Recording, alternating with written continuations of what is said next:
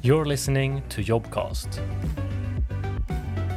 My name is um, Alex Williams, and I'm a senior designer here at Liquid Swords. Uh, I'm Ricky. I'm one of the designers at Liquid Swords.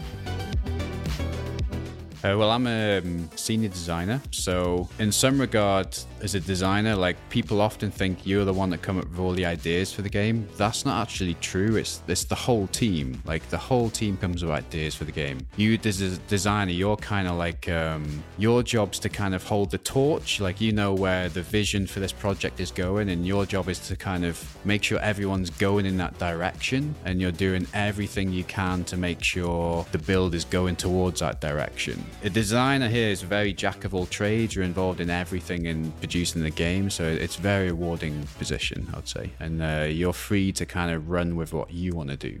I am a game designer, so I'm kind of figuring out kind of the mechanics and how everything fits together.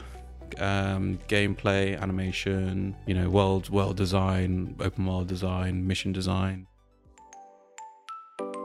It's a fresh new studio with high ambition, an experienced, talented team. You know, we're, we're reaching for the stars and we are going to make it. Yeah, we just need we just need more people. I think that's really it.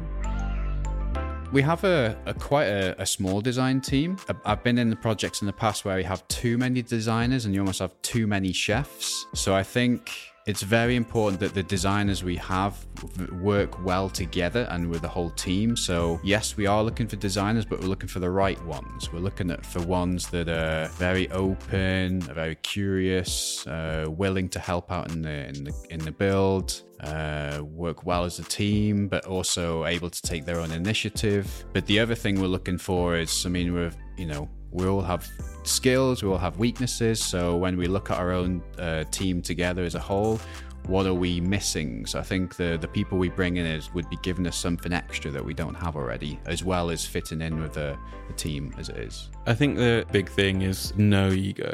Could you imagine making a, a game with like a hundred people, uh, all have their own opinion of how it should be made, and then somehow that all needs to come together? So imagine if each one of those people wouldn't listen to the other one. How could you resolve that? Um, so it's very important that you all work together to come together to align on where we roughly want to go. You know, is this a, are we making a space game? You know, is it a very realistic space game or is it like, uh, or is it more like Star Wars? Is this a platforming Mario game? You know, we all have our own opinions. So you need to like, everyone's be throwing ideas out there, but working together to see what ones work. You know, not necessarily my idea is the best idea. In in sense, like usually there's 10, 20 ideas. It's finding the, the right one that works for the game you're making